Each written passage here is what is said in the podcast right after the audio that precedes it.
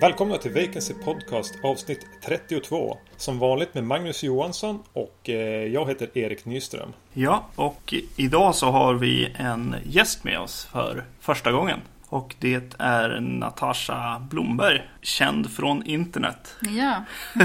Nej, men du har en blogg som eh, ja, går under namnet Lady Damer och skriver om vad? ja, jag skriver om feminism och genus och könsroller och sånt där. Och jag är ju en förälder så att jag är väl en sån här mammabloggare fast jag bloggar inte om såna här mammabloggsgrejer. Mm. Men ja, typ det. Och när jag träffade dig för första gången så, eller när jag fick, fick eh, höra om dig via Oskar som, eh, som jag jobbar med, din man, så pratade han väldigt löst om det här med, med bloggen. Utan eh, pratade mer om eh, ett skräckfilmsintresse som du har haft och även en eh, fas, fascination över seriemördare. Ja. Jag gissar på att han trodde att jag skulle tycka att det var lite mer spännande.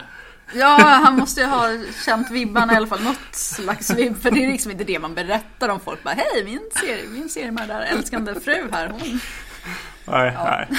Han, han vet ju om att jag är skräckfilmsintresserad och lite så. Mm. Ja, precis. Och till slut så blev du, ja, vi kom hem med familjen till, Mm. till er och åt indisk mat för det mesta. Men sen Mm. så började jag helt plötsligt se, se så här gamla gymnasiekompisar och sånt eh, länka till din eh, blogg. eh, Och folk kommenterade när vi, eh, vi tog något foto på, på någon maträtt eller vad det var där. Eh, och la upp på internet när vi var Mm. och åt hos er. Och då var det någon som bara, men den där duken känner jag igen.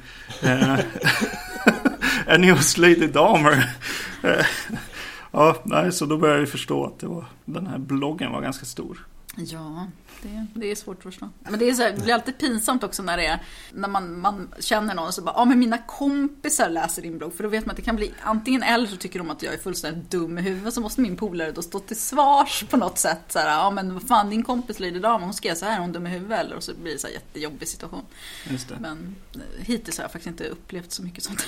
Jag är faktiskt ganska fascinerad över just den där grejen. Att man läser saker som man inte riktigt uppskattar. Mm. Eh, för jag, jag brukar vara på hemsidor och sådär. Men det är ju verkligen det jag är högst intresserad av. Som jag, Men jag tror att man drar sig, för jag har jättemycket här läsare som skriver brev till mig och bara, åh gud jag hatade dig från början, jag tyckte du var helt dum i huvudet men jag kunde inte sluta läsa. Jag tror att det är någonting som talar till en, man kan inte låta bli. För jag är också sådär, kan sitta på vissa sajter och bara, "Ah, vad är det här för människa, jag måste läsa vidare. just det. Och det är något som fascinerar ändå. Mm. Min sambo följde ju din blogg också, eller följer din blogg också. Mm. Hade ju ingen aning om att Magnus då kände dig. Så det var Mm. också något som dök upp genom en slump. Men det där är ju, är inte det där Ja, precis. så, så det snör ihop sig hela tiden. Jag kan väl inte säga att jag följer den själv. Jag brukar snarare läsa någon gång då och då. då det, eh, det kan vara Emma, min sambo, som påpekar någonting. Jag vet att jag i alla fall följde, eh, vad ska vi kalla det för, Tupac Gate. Ja, Hängde jag med på och läste. Var lite obehagligt. ja jo det var det faktiskt. Men jag har lite såna här olika gates för mig ibland. Det, det börjar mest som att, där började det att jag skulle bara, jag ville peta lite ögat på H&M. Jag gillar att reta, så gillar att vara så lite komma med pekpinnar typ Hörni, vad gör ni här? Fast jag kanske gör värre saker själv. Jag menar, jag skulle inte banga en tröja med Jeffrey Dahmer på. Men jag, jag vill ju ändå liksom så här påpeka, gud vad ni är hemska. Och så blev det världens största grej. Jag trodde faktiskt inte det skulle bli det. Men, och jag har gjort andra grejer som Gillette Gate när jag ställde upp i en tävling som Gillette anordnade, Vem har snyggast ben? Och fick alla, liksom majoriteten av röster med mina håriga ben då. Det var också en sån här sak som jag bara gjorde på skämt och så blev det en jättestor grej. Ja. Aftonbladet ringde och bara, oj, hoppsan. Ja, det är bra. Just det, vi är ju mest en skräckfilmspodcast. Ja. Så jag måste fråga lite om det. Jag vet inte, det kanske är ett, eh, förut. Ser du på mycket skräck nu eller? Alltså, nej, jag, om jag ska välja en film, vi kollar inte så mycket på film så utan jag kollar mest på serier. Men om vi ska välja en film så går jag alltid på liksom, eh, thriller eller skräckfilmsgenren på en gång. Det liksom går inte. Alltså, jag ser hellre en dålig skräckfilm än en jävla tråkig, långdragen här, drama eller de här fruktansvärda romantiska komedierna som är så himla populära Gösby. Mm. Och då blir det ofta skräck.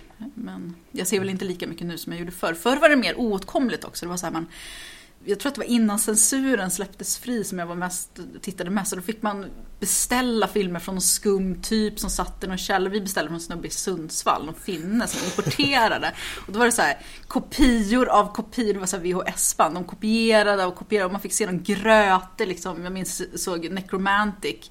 Den, och de pratade tyska och det var japansk texting och det var grötigt. Men liksom man satt där och man upplevde och man tyckte det var så jävla bra ändå. Ja, sen kom DVD och förstörde allting. Sen kom liksom internet och ja, DVD. Ja, men det blev ju så. Helt plötsligt var allting så himla tillgängligt också. Det var inte samma den här grejen. Mm. Helt plötsligt kunde man se alla de här filmerna som var så spännande förut. Nu bara, jaha, var det inte mer än så här? Lite synd. Ja, nej, men vad såg du då när du var... Förutom Necromantic. Ja, ja, ja jag, jag, gillar ju just, just de typen av filmer som är lite så här, ja, makabra men gärna mycket så här, inte så här vanliga klassiska slasherfilmer utan mer att det ska vara tortyr och lite äckligt och, ja, nu kan jag inte komma på någon namn men liksom de, i nutida så är det ju de här så och hostel som jag föredrar. Mm. Man vill se kreativa sätt att mörda, jag är inte så mycket för det här jag gillar ju fredag den 13 och de filmerna men det är ändå så här, ja men jag tar min stora kniv, jag går ut och så dödar jag alla på exakt samma sätt och det finns ingen kreativitet i, i det. Och det, jag uppskattar hellre de här lite bisarrare och det fanns ju mycket sånt på 80-talet också. Ja, det är mycket själva mordscener och sånt. Ja, som lockar. Jag tror det, ja. ja, det är klart. Det kanske inte finns så mycket mer. Nej än det. Men du får gärna ha en bra story också. Jag menar, jag älskar ju Omen och sådana. Det, måste ju finnas någon slags, för att mm. jag, man ser ju filmer som det bara är mord. Och de, det, är, det, det, är som att filmen bara är som en lång färdsträcka från början till slut och så ska de liksom avklara en massa mord under tiden och det är inget annat som händer. Och det, det är typ Seriemördarfilmer då? Tänkte med seriemördarintresset? Nej men där är jag jättekräsen. Jag blir ofta väldigt irriterad för jag kan så pass mycket om seriemördare och hur, liksom, hur seriemördare fungerar, vad de, vad de drivs av.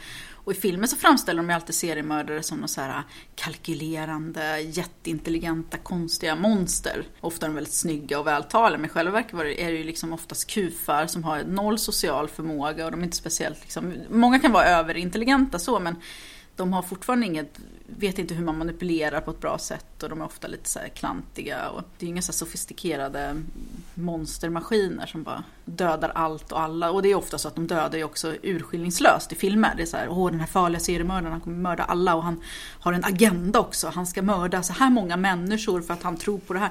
Och så funkar det inte. De har en sexuell fantasi som de vill för, liksom, uppfylla och den uppfyller de aldrig eftersom att de kan aldrig, verkligheten kan aldrig stämma överens med verkligheten eller med fantasin. Och då kommer de hela tiden fortsätta mörda tills, tills de dör. Men så är det inte i de här filmerna för då är det agendan och de är ofta mm. ganska dåliga. Tycker jag.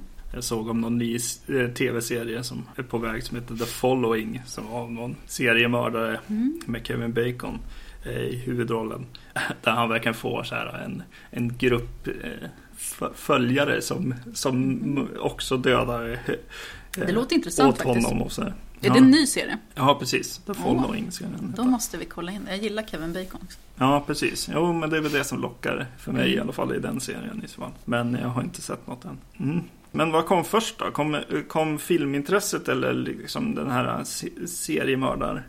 Jag tror att, film, att det började med filmintresset. För att när jag var yngre, mamma, mamma brukade titta på skitmycket skräckfilmer och då var jag inlåst i mitt rum. Eller inte inlåst i mitt rum, men jag hade en sån här äh, grind som barn har. Och så brukade jag försöka på kvällarna när hon tyckte att jag skulle sova och hon skulle titta på skräck med pappa. Och så brukade jag stå där och liksom försöka kika. Och man fick ju så vissa glimtar som var väldigt spännande. Och mamma var ju så ganska opedagogisk. Så hon berättade ju väldigt mycket grejer för mig om, om spöken och hemska saker som hade hänt och det hade hänt i verkligheten och mördare och, och ja, om skräckfilmer. Hon visade ju mig typ ja, Gremlins nu. Det där läskigt men när man är liksom såhär 10 bast, skitscary. Mm. Och En amerikansk varulv i London var ett av de första filmerna jag såg. Och det, mm. Jag liksom tror fortfarande på varulvar och bara springer när det är en fullmåne om jag är ute och går i mörkret. Mm. Och hon, så opedagogisk var hon men det väckte ju ändå någon slags såhär, det var ju så spännande. Hon gjorde det till en spännande grej. Det. Så det, det, var nog där det började och sen såg jag ju då filmer och hon berättade om mördare i samband med det. Då blev ju, jag såg ju filmer om Charles Manson och sådana här lite äldre. Och då var jag intresserad av seriemördare och sen så insåg jag att de finns i verkligheten också. Och då växte intresset på det sättet. Mm. För du går under namnet Lady Damer mm. eh, på internet och skriver om eh, genus och, och, och, ja. och så. Hur upplever dina liksom, läsare det här? Alltså, det, är lite, de ja, det är lite klurigt. De flesta tänker inte på det för att ja, i Sverige har vi väl ingen seriemördarkultur som i USA där de är liksom rockstjär, har rockstjärnestatus och är väldigt liksom, alla vet vem Dahmer är. Men inte här i Sverige. Och de, det är ju ett namn också, så många är såhär, men jag trodde du hette Dahmer, jag tänkte inte på att det var Jeffrey. Det var någon som frågade mig också, varför har du en bild på Jeffrey Dahmer i din foter på bloggen? Bara, ja, vad tror du liksom? Och sen är det ju då en del, några få som tycker att det är fruktansvärt hycklande. Att eh, hur kan du tycka att det är okej att döpa det efter en seriemördare. Och det, det, kan man ju diskutera, men det är ju ett gammalt namn som jag hade då när jag hängde på seriemördarforum. Så det, men det har jag hängt med och jag räknade ju inte bli, bli storbloggare. Då hade jag förmodligen hittat på ett mycket bättre namn. Jag skulle bara, ja men jag bloggar lite, jag heter Lady Damer. Det är ganska svårt att göra slut med de här eh, forumnamnen man tar sig en gång i tiden. Ja, men jag har bara haft det namnet liksom. Det går mm. inte. Men sen så är det många som tycker att det är bra, för det representerar ändå en sida hos mig som jag inte tänker skämmas för eller dölja. Att jag är intresserad av seriemördare och skräckfilm är ett oskyldigt intresse men jag är ju också intresserad av liksom, seriemördare och lite mer makabra grejer och sånt mm. där. Och det, det är väl kanske inte så jätteetiskt alla gånger men mm. det är vad jag gillar. Ja, precis.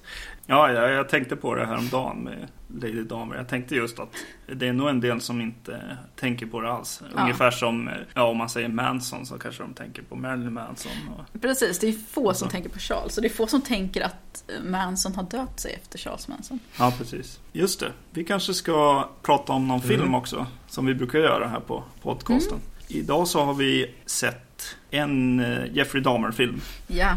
Vi var och tittade på lite olika val, vilket vi skulle se. Och eh, vi hamnade på The Secret Life, kolon Jeffrey Dahmer, från 1993. Vilket är, vad är det, två år efter han ja, blev avslöjad. Vilket är intressant. Erik kanske kan eh, berätta vad den filmen eh, handlar om. Den handlar om Jeffrey Dahmer. Eh, det är egentligen bara en, en slags kronologi över hur han börjar mörda unga män sent 70-tal och sen återupptar det under andra halvan av 80-talet och en bit in på 90-talet. En lågbudget historia som eh, egentligen mest bara presenterar Jeffrey Dahmer, seriemördaren. Inte mm. berättar speciellt mycket om hans övriga liv utan den Ja precis, det är bara, ja men titta mm. vad han gjorde för någonting. ja men det var det jag sa det här med mord, att det bara liksom från början till slut så ska de så avverka och så händer det inte så mycket mer än det. Det är så här, här ska vi visa.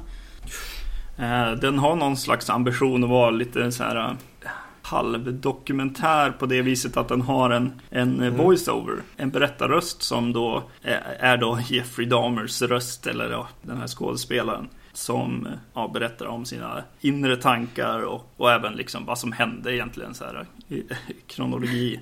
Eh, jag, jag började tänka väldigt mycket på att det kändes lite som att lyssna på en ljudbok fast som hade bilder med, sig, med på något mm. vis. Jag antar att det bara är någon som har suttit och hittat på den här eh, voiceovern som ligger att eh, den vill ju nästan sälja in det som att det här ska vara baserat på intervjuer med Jeffrey Dahmer eller Jeffrey Dahmers eh, dagbok eller mm. någonting eftersom den berättar ur ett, ur ett jag, jag-form form mm. och berättar om hans, eh, hur han ser på sig själv och, och, att han pratar om att han kanske vill åka fast och de där. Men jag antar att det bara är en... Eh, mm. Eh, han som spelar huvudrollen verkar även ha skrivit filmen. Att det är ganska, ganska mycket ja. bara utifrån vad han gissar sig till. Men det kanske du vet mer om? Ja, alltså det, det, första jag tänkte på, det var ju så himla uselt uppläst. Det kändes som att man lyssnade på någon sån här, liksom medelmått dramastudent som liksom försöker vara extra, du vet, ja, men dramatiskt och så med lite porrfilmsmusik i bakgrunden. Men eh, många utav citat, eller liksom mycket av det han säger är från citat av Jeffrey Dahmer.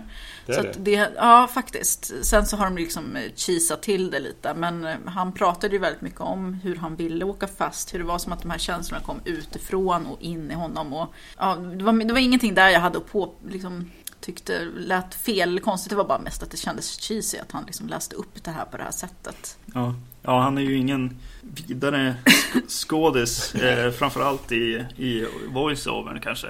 Det är som att han inte bestämt sig om han ska så här, låta som en läskig, läskig ja. gubbe eller om han ska vara liksom ha ja, känslor eller ja, jag vet inte. Och eh, han är ju med på bild också den här mannen förstås. Spelar eh, damer. Och eh, han påminner mig jättemycket om när wrestlaren Rod, Roddy Piper var med i John Carpenters They Live. Eh, av någon anledning började jag tänka på honom. Eller han har väl lite liknande utseende tyckte jag. Och även just att han var lite jag skrev ner två namn som jag tänkte på rent utseendemässigt. Det var både Javier Bardem och Vince Vaughn. Som jag tyckte han såg ut som. Ja, men jag tycker han ser ut lite som, jag, men jag blir så här väldigt petig. Jag tycker så här, nej men det, ni måste hitta en skådis som ser ut som damer. I alla fall sänder samma så här, vibbar som damer sände. Han var väldigt, såg kall ut, han var väldigt lång, snygg. Typiskt så här, ja men amerikansk kille. Medan den här skådisen, han, han kändes väldigt tysk på något vis. Och sen så var han liksom lite mer, nej men han kändes inte som en Jeffrey Dahmer på något vis. Han såg dessutom ganska kort ut. Och då blir det så här fel, för då hakar jag upp mig på det. Det är skitlöjligt egentligen, för det är väl ingen som bryr sig om hur Jeff egentligen såg ut. Men jag tycker att det är viktigt att karaktärerna man väljer i sådana här roller, där det ska faktiskt återspegla verkligheten, att de har det i alla fall. De måste inte se ut som personer, men att de har liksom det där som personen de spelar också har. Mm. Någon, något sånt här karaktärs men ja, nej. Precis.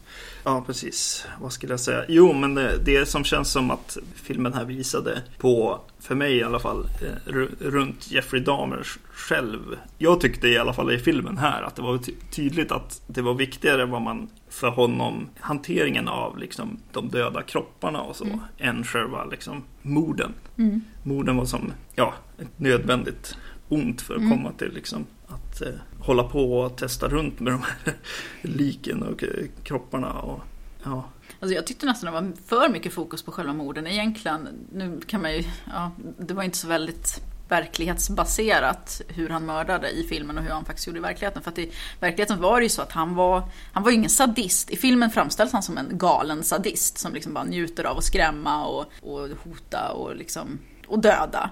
Medan i verkligheten så sövde han sina offer, ströp dem och sen ägnade han väldigt mycket tid åt kropparna. Både i styckningen, och den tog väldigt lång tid, liksom han, lät det, han lät det ta tid och han knäppte kort under själva styckningarna i olika faser av, liksom, av det.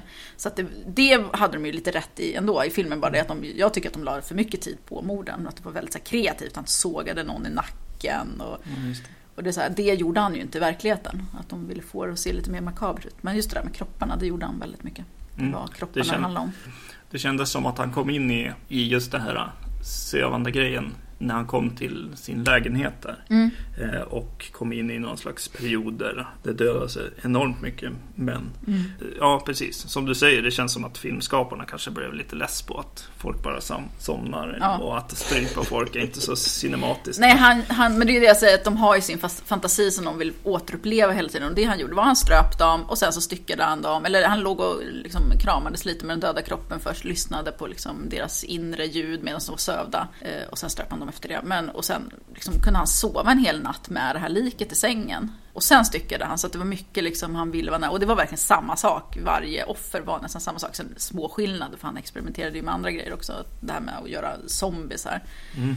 Men ja, på, och söva, han, han sövde ju inte bara folk han dödade utan han var ju, ägnade sig systematiskt åt att gå på olika så badhus. Man hade så badhus för, i San Francisco och i Milwaukee och så här, för de, de homosexuella kunde träffas och liksom ha, ha sex. Fast inte på klubbar men på dagtid. Och han var mycket där och sövde folk. Han var ju avstängd från flera ställen för att de liksom fick klagomål på honom att han hade någon fischer med honom. För att han sövde väldigt många och då inte våldtog dem för han var inte så intresserad av liksom samlag så utan kunde liksom ligga och krama dem och lyssna på deras hjärtljud och slicka dem på tårna typ. Zombiegrejen du nämner. Det känns ju som att den här filmen den är ju riktigt B. Alltså, mm.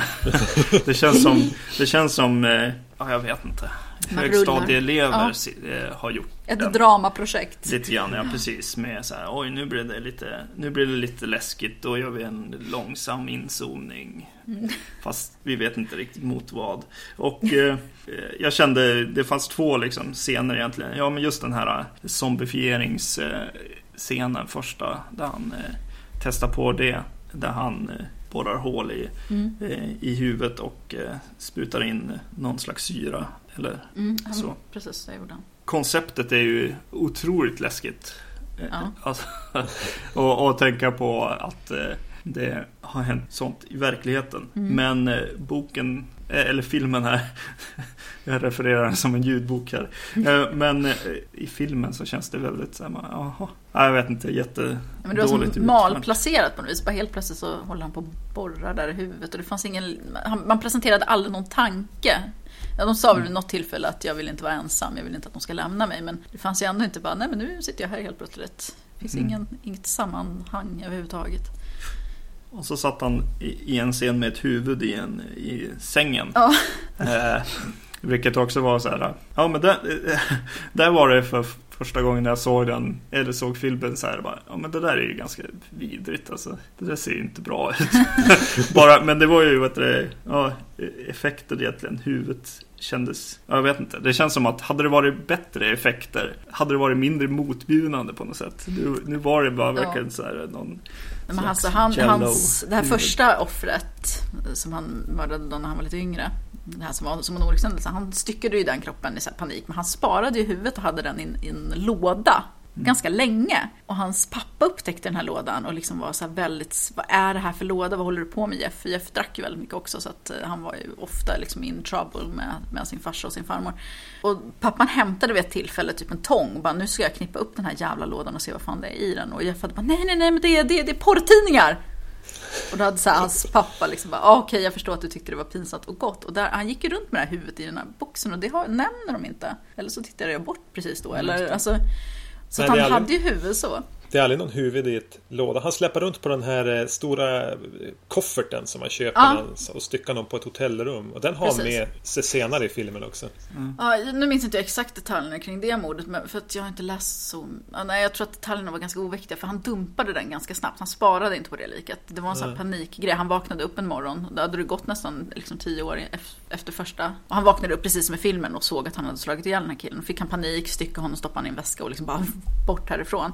Och sen, det var efter det det brast för honom han inte kunde hålla sig från att döda. Det känns som att den här filmen, ja men just med voiceovern och med texter och eh, som kommer in också. Den säger ju många saker väldigt många gånger på något sätt känns det som. Den både säger det liksom i voiceover, ibland i text och mm. även i vad, vad man ser på skärmen. Vilket ju kanske inte den styrkan i filmen på ett sätt, det man ser i, i bild. För det, ja, det är inte det är inte kvalitet här kan jag tycka. Eh, men en, en, gång var, en grej var väldigt intressant tyckte jag. Eller var eh, rolig med just den här eh, att repetera information. Och det var att eh, han pratade med sin pappa i telefon. Och pappan säger nu har du bott hos din farmor i sju år. Nu får du sticka därifrån. Och så sen rullar det en text. Alltså kanske 15 sekunder senare så rullar det en text. Där det står han, han hade bott hos sin farmor i sju år och nu var det dags att flytta ut till. Det är så, det när de idiotförklarar tittaren, så här, människor som inte kanske är så bra på att göra film och kanske inte har gjort film så jättemycket, ungefär som studenter som gör film. Och så ska de förklara allting väldigt noggrant för tittaren mm. istället för att förklara i bild. Så ska de förklara med att säga saker väldigt tydligt att nu så Ser du den här grejen? Det är en sån där som gör det där och den... Ja, men ni mm. vet hur det kan vara i vissa filmer. Och så ska de liksom visa det i, te i text. Det är ju jättemärkligt. Vad ska de... Det är ju en film liksom. Visa med handlingen istället. Ja. Ja, det är ju sällan, det är sällan texterna som kommer in tillför någonting som vi inte redan antingen kunde förstå om vi, mm. eller, eller, redan hade förstått. Ja, jag vet inte om de vill att det ska kännas mer som en dokumentär med de där texterna. Mm. Ja. Och, och, att eh, det, det, som är filmen mer ska vara någon slags rekonstruktioner av verkligheten. Mm. Ja, precis. Man får ju en sån känsla definitivt att det är de här re rekonstruktionerna från liksom Efterlyst fast i, i hela filmen. De, ja. Jag tänkte alltså när filmen börjar, några av de första scenerna, bara, bara det här kommer bli jobbigt att, att se eftersom det kändes så väldigt, väldigt B, ja men som ni säger, studentfilm. Mm. Men alltså antingen så blir det bättre eller så är det bara det att jag vänjer mig vid ungefär vad jag ska förvänta mig. Men jag tycker ändå, när han är ensam, eh, Jeffrey Dahmer och, och pyssla på med saker eller, eller eventuellt när han är ute på klubbar. Då fungerar det bättre. Men det som är riktigt så här skämskudde dåligt. Det är ju scener typ med hans, när han är hemma hos mormor och, och ska prata med sin mormor. Eller eh, allt som är lite mer vardagligt. Alltså sånt, en vardaglig dialog. Det, mm. Då lyser det verkligen igenom att det här är, det här är amatörafton. Mm. Jag tyckte jag upplevde det också när han interagerade med sina offer. Alltså när mm. han typ skulle röra vid någon man där och ta av kläderna. Det var väldigt så här, håll dig på tre meters avstånd så tar jag av tröjan här och vi låtsas att vi gillar varandra. ja, det var inte direkt någon kemi. Nej. Mm. Och det är bara mycket av idéerna eller tankarna eller liksom Ja men precis, någon slags eh, tanke på att detta har hänt som är det enda som kan skrämma i den här filmen tycker jag. Istället för att vara läskig film eller en. Kanske inte...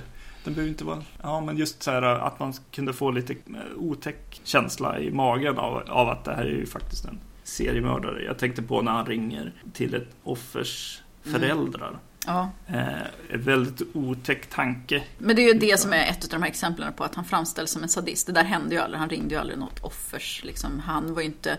Det är fel att säga att han, var en, han ville vara snäll mot folk. Men han, så seriemördare är ju som sagt komplexa människor. De är ju människor med mänskliga känslor och de flesta har empatisk förmåga. Det är bara att när de mördar så stänger de av den. Alltså det är ungefär som vi människor, vi klarar av att äta djur liksom, fast vi har empati. Vi stänger ju av empatin i vissa... Det är en överlevnadsinstinkt och det gör ju seriemördare när de mördar. Sen finns det ju empatilösa seriemördare också. Men han, han ville ju inte göra illa sina offer, det låter jättekonstigt. Men det var därför han sövde dem innan han dödade dem. För att han kan ju lika gärna kunna liksom skära halsen på, av dem eller skjuta dem eller slå dem i huvudet. Mm. Som han i och för sig gjorde med första offret. Men han var ändå väldigt mån om att folk skulle ha det bra, även folk i hans närhet. Han var väldigt hänsynsfull och liksom hjälpte till mycket. Och, så att det, han var inte sadist och det, de, fram, de hade kunnat gjort den här filmen jätteläskig eller creepy, så lite gory creepy på ett mycket bättre sätt genom att faktiskt berätta sanningen. Mm. För den är mycket intressantare och mycket läbbigare än att framställa han som en galen psykopat. Liksom.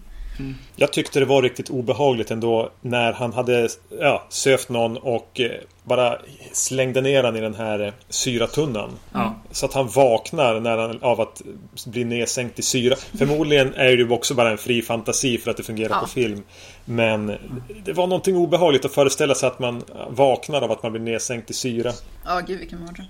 och instängd i, i en tunna. Ja. Ja, Nej, det hände ju faktiskt aldrig heller. Han använde syra på vissa offer. Han liksom experimenterade ju med den här tekniken att kunna göra, göra sig av med sina offer. Det var ju det som gjorde att han kunde hålla på så länge också. Det fanns ju inga, det fanns inga bevis, utan, förutom de han valde att spara. Men han hade ju offer i tunnor, men det var, det var inte den bästa metoden, men den var snabbast och enklast. Men då styckade ju han dem först och sen stoppade ner dem. Att liksom häva i en hel människa i en tunna sådär, det är jävligt bökigt. Mm. Så. Det jag funderade lite grann var att alltså, man fick en känsla av att hans föräldrar spelar ganska stor roll i hans liv egentligen. Men de är ju aldrig med mm. i filmen. Han pratar med dem på Nej. telefon två gånger. De var ju helt bortkopplade. Ja, men det är också så jävla konstigt för hans morsa ringer då och bara Jag jobbar med aidssjuka, förlåt mig för bla bla bla. Och det hände ju faktiskt verkligen att hon ringde och då var det någonting annat. Det var det var också en sån avgörande del i, då var han mer oförsiktig när hon ringde efter att hon hade ringt. Men då vet man ju inte ba bakgrundshistorien. Varför reagerar han så starkt? Vad är det som har hänt? Varför bor han inte med henne? Ja, de nämner en skilsmässa, men det är liksom så här, varför träffar han inte henne? Varför ringer hon där? Och det finns ju en intressant bakgrundshistoria. Han var ju inte liksom misshandlad av sina föräldrar så, men han, hans mamma var ju väldigt distanserad ända från att han föddes. Hon hade förmodligen en depression och ville ju inte ens ta i honom och krama honom. Och en dag när han var typ 18 år jag, han bodde hemma liksom och gick i skolan, så kom han hem och så var både hans mamma och lillebror borta. Då hade de flyttat till en annan delstat och inte ens lämnat ett telefonnummer eller mat. Mm. Och det var så här, hans pappa jobbade ju väldigt mycket och hade låtit mamman då ha vårdnaden när de hade skilts. Men, ja. Det är så roligt, jag såg en dokumentär om hon eh, Eileen, vad heter hon? Eileen. Nyligen på Netflix. Mm. Det du berättade nu på, påminner väldigt mycket om den också. Det här livet där någon bara försvinner, där det försvinner mm. folk. Och, liksom. ja, nej. och överhuvudtaget kan jag tycka att eh, just den här seriemördargrejen, jag vet inte om det är film, men de påminner ju så enormt mycket om varandra. Mm. Tycker jag. I alla fall det jag ser på, på film och en del, en del dokumentär har man väl mm. sett också. Men just den här film eh, Jo men de är ganska generiska. De, ska, de är alltid på ett specifikt sätt. De har alltid den här agendan och de ska alltid... Ja men de har en viss... Mm. De är väldigt... Jag tänker på det här med att döda djur och kanske ha en dålig relation till, mm. till eh, föräldrar och Ja. Och sådana saker. Jo men de har ju mycket gemensamt även i verkligheten. Det är ja. ju ofta, alltså nästan alltid, jag tror att Jeffrey Dahmer är undantaget av de seriemördare som blev misshandlade. All, nästan alla har blivit misshandlade, antingen väldigt grovt psykiskt, alltså torterade psykiskt nästan. Mm. Eller liksom slagna väldigt mycket. Och då är det inte vanligt smisk vi pratar om utan verkligen blivit kränkta kroppsligen utav sina föräldrar. Var det någon av de här kända seriemördarna som kom från helt, vad man vet, normal och sund bakgrund? Uh, inte som man vet, men Ted Bundy brukade ofta prata om att mina föräldrar är så fina och snälla, jag hackar inte på dem nej, men det fanns vissa tecken på att eh, bland annat att hans eh, morfar även var hans pappa och att eh, det fanns incest i familjen och att kanske även han också var utsatt. Men han, han var väldigt, det är svårt att veta någonting om seriemördares liv om de inte berättar själv. Och en del berättar mm. för de vill bli sedda, de vill bli bekräftade. Så de berättar för att då får de uppmärksamhet. Men Bandy var en sån där som han ville inte berätta om det. Han sa nej, de var, de var jättefina och jättesnälla och de slog mig aldrig. De var aldrig dumma, men det är svårt att veta. Men då är det Jeff, och han vart inte slagen. Han hade istället en ganska, alltså han är snälla föräldrar, de var ju inte dumma på något sätt. Förutom att hon, mamman där stack, men hon var ju psykiskt liksom, instabil. Och pappan han jobbade ju så mycket så han var ju aldrig hemma, men när han väl var hemma så var han ju en kärleksfull pappa. Och han, var, han tar ju på sig skulden också för allt som hände, för att han inte var där och såg. Han jobbade för mycket liksom. Hade de någon relation sen när Dahmer, Jeffrey Dahmer hade börjat mörda folk? Fanns, alltså, ja. Var han och käka middag med pappa mellan varven? Eller hur? Ja, det, det började med att han åkte dit för att ha blottat sig framför några pojkar i någon park. Då åkte han dit och det var därför han fick en sån här parole officer kom i kontakt med det. Och då var ju pappan tvungen, då fick ju han veta det. Och då var det liksom bara, what the fuck händer? Vad håller du på med Jeff? Liksom, jag visste att du drack mycket, men vad är det som händer? Och då berättade han till slut efter mycket om, men de här var väldigt såna born again Christians. De var väldigt mm. religiösa den här familjen. Och Jeff var ju homosexuell och kände att det kunde inte han berätta för dem. För det var ju, han hade ju så otroligt mycket skamkänslor för sin homosexualitet. Men då berättade han till slut för pappan då, där, att jag är homosexuell pappa. Och då var det så här, eh, jaha, varför har du inte berättat det förut? Och då fick de en väldigt fin relation. Då de faktiskt mm. började träffas. Men han var ju ändå, han mördade och han höll sig undan. För håller man på, har man det livet som han har, då kan man ju inte hänga med familjen hela tiden. Utan han isolerade ju sig. Det var ju först när han åkte i fängelse och åkte fast för morden som hans pappa och hans styrmor då liksom steppade upp på riktigt och tog så ansvar för deras del i allt och blev väldigt stöttande. Och var med under varje dag på rättegången och var med honom i fängelset och liksom var där och hälsade på ofta. Och de fick en jättefin relation då. Och sen blev han ihjälslagen i fängelset. Ja. Sorgligt slut på den. Ja, men man tror att det är medvetet. För han, hade ju, han var ju på sån här isolering. För att de ville ja. inte släppa ut honom bland de övriga fångarna. Men han började matvägra och sa att jag vill ut bland de andra fångarna, jag vill inte vara här. Och man tror att att det var en medveten. För han pratade hela tiden om att han förtjänar dödsstraffet. Men de har inte dödsstraff i Milwaukee, i Wisconsin. Så att han var mycket så här, jag vill dö, jag förtjänar att dö, Gud vill att jag ska dö. Han var väldigt religiös också. För det var ju någonting, när den här filmen gjordes så levde ju Jeffrey Dahmer mm. fortfarande. Mm. Jag bara satt och läste lite grann. Eh, Wikipedia hade upp min kunskap och då såg jag att han blev ihjälslagen typ 94 ja. i ett fängelse. Är det, är det riskabelt i fängelse för en seriemördare? Blir de ofta utsatta? Mm, jag tror inte de blir mer, det beror på vad de har mördat, men jag tror inte att han, ja, jag vet, han väckte väl kanske så mycket avsky med att de framställde honom som en kannibal och en sadist och psykopat. Så att han var väl, det är väl kanske lite så status att slå ihjäl honom, men han var ju ihjälslagen av en galning som tyckte att alla vita är djävulen. Så det var ju inte det att, han var inte ihjälslagen för att han är fru Dahmer, han var ihjälslagen för att han var vit. Han blev ihjälslagen tillsammans med en annan fånge också, tyckte jag det stod. Ja, precis. Och det, de blev ju lämnade ensamma, de var på någon sån här städ duty och vart lämnade ensam utav vakterna och de får ju inte göra det. Så det var något så här väldigt fishy med den här situationen och han var en galning. Liksom, varför lämnade ni den här galningen ihop med de här andra? Ja men antalet också. Det är ju enorma mängder människor han har mm. dödat här. Hur är det i relation till liksom andra seriemördare? Alltså det, är, det är lite både och, men jag tycker det är ett ganska normalt antal. De flesta brukar hinna med en 10-15 eh, stycken, men sen finns det de här eh, som Chikatilo som har dödat 52 pers och Gacy som de fortfarande gräver upp platser efter, fast han har varit död i jättemånga år. Mm. Som, eh, han mördade också över 30-40 stycken. Det beror ju på hur länge de kan hålla på. Och de, börjar de tidigt så hinner de ju med fler, för att det är ganska ovanligt att seriemördare mördar efter en ålder av 50-60. För att då sexualdriften går ner och om de inte blir fångad mm. tills dess så kan de faktiskt lägga av helt frivilligt. Det är väl som ett, jag tänker som, som missbrukare brukar också tackla av någonstans där i 50-60 års ålder för att de inte orkar längre. Det är för mycket. Precis. Nej, jag pallar inget mer.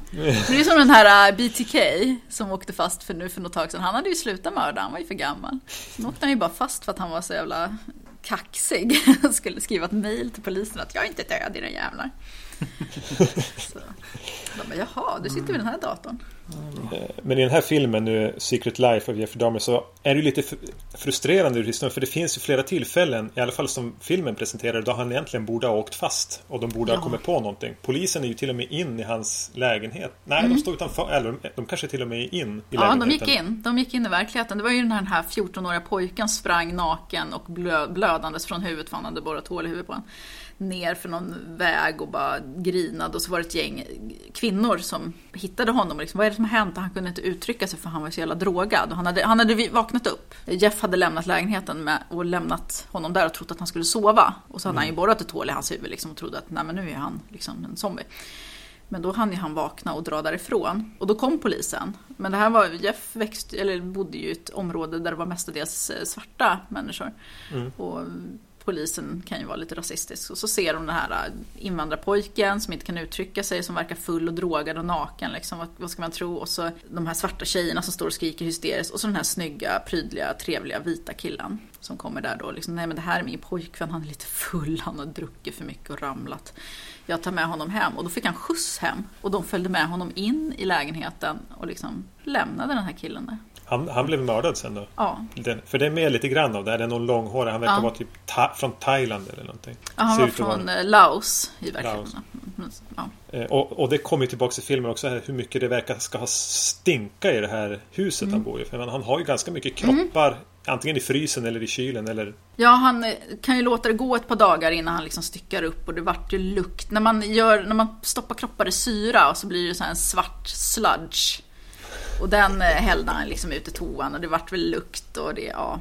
Han hade ju, han hade, nu hade inte han så här kroppsdelar att han sparade en fot utan han kokade ju bort köttet och så sparade han ju liksom skelettdelar. Och han, i och för sig, han konserverade en penis också och eh, han behöll ett huvud. Det var ju det som var i kylskåpet när de Mm kom till lägenheten. Så ja, det luktar nog inte mumma där inne. Och jag tror att han sa själv vid tillfälle också att det var liksom så himla överväldigande allting. Det var liksom kroppar i badkaret och det var den här lukten och det var som att vara fast i en mardröm. Och han visste inte hur han skulle ta sig ur utan bara fortsatte och fortsatte. Så, och den känslan kan man nästan relatera lite till fast ja, man har ju aldrig varit i just den situationen. Men det här liksom att man är fast i ett beteende och man bara, gud vad håller jag på med? Jag måste sluta. Och så Jag bara, måste nej. sluta äta Ja, Ben precis! Jerrys. När man sitter där med andra byttan och bara, vad.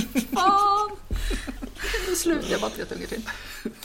Ja, har vi något mer att säga om den här filmen? Erik, du tyckte den var fantastisk. eh, nej, Nej. Eh, Jag hatade den inte. Det var ju alltså, särskilt eh, För mig blev det lite som en Ungefär som att läsa på Wikipedia. Ja, precis. Eh, alltså bara få lite För jag vet väldigt Jag är inte speciellt insatt i, i seriemördare och framförallt inte Jeffrey Dahmer. Eh, så det här Ja men då fick jag i alla fall veta Vad han gjorde ungefär. Eh, sen är det ju en, en, en studentfilm egentligen. Eh, låg budget. Eh, det jag kan tycka är lite schysst med den är ju att den är ju obskyr och bortglömd. Jag såg den här på Youtube där den finns i sin helhet. Jag vet inte hur.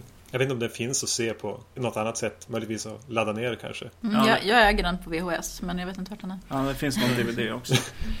Så den är ju lite kul att ha sett på något vis. Just för att den är en Mm. konstig film från 93 som inte får någon uppmärksamhet. Och för att vet man ingenting om Jeffrey Dahmer finns det säkert bättre filmer att se. Men, eh, ja, men den är lite mysigt obskyr. Det var väl det Mm. jag tyckte om med den. Eh, annars är det ju ingenting som eh, jag kommer att minnas. Nej, precis. Nej, men precis. Nej, men det blir lite grann som ett litet sånt där program som man ser på Discovery Channel eller någonting. Mm. Eh, på något sätt eh, över den här filmen. Sen att saker inte liksom sanna på samma sätt som de är på Discovery höll jag på att säga. ja, jag vet inte. Men eh, det är väl en sak. Det får man ju ta med en nypa salt och försöka liksom. Om man, om man blir intresserad så kan man ju börja kolla upp mer. Jag tycker också att det är intressant att den är lite så här too soon känsla på den. Att det är så här, ja två år har gått liksom. Och så gör de den här filmen. Det är lite kul, lite så här djärvt på något sätt. Nej men som sagt. Eh, som du säger. Och, och samma sak med, som du säger Erik, med att eh, man kom in i den också. Man kunde liksom hitta läget och se den på, på något Mm. sätt ändå tyckte jag.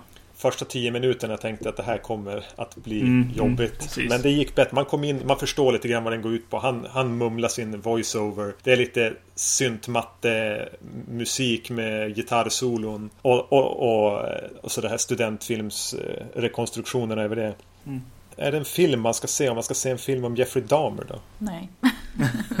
jag tyckte den var så usel ur två perspektiv. Dels, jag har väldigt svårt att separera det här att jag stör mig över alla felaktigheter. Det blir så här, jag sitter och vrålar om det. Och att skilja det från, för att min man frågade bara, men tycker du att det är en bra eller dålig film? Skit i om det stämmer med verkligheten. Så, mm, det är jättesvårt, men jag kom fram till att det är en ganska dålig film.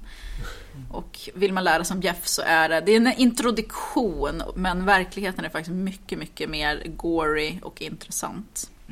Det, eh, det är på G en film som vi försökte eh, se men den eh, verkar gå runt på sådana här festivaler och så så att den har inte släppts än som, het, som heter Jeff, eller? Ja, jag tror det är Jeff, någonting med Files, something, something. Just det. Mm. Som verkar vara en dokumentär med lite rekonstruktioner med i. Ja, nej, den kommer jag nog se när den mm, dyker upp. Den verkar en annan sak som jag tyckte var väldigt så här, makaber, det var att de i slutet på filmen så kommer en text och så säger de att de dedikerar filmen till offren. Mm. Jag reagerar också på det. Bara, jaha, och så verkligen too soon. Och det är ja. ju liksom, de har ju inte visat morden som de verkligen skedde, utan de har ju verkligen så exploaterat de här offren mm. och liksom gjort någon så fantasiversion av det som hände och då ska de dedikera det till offren och deras familjer. Liksom. Jag tror säkert att det uppskattades jättemycket. Mm.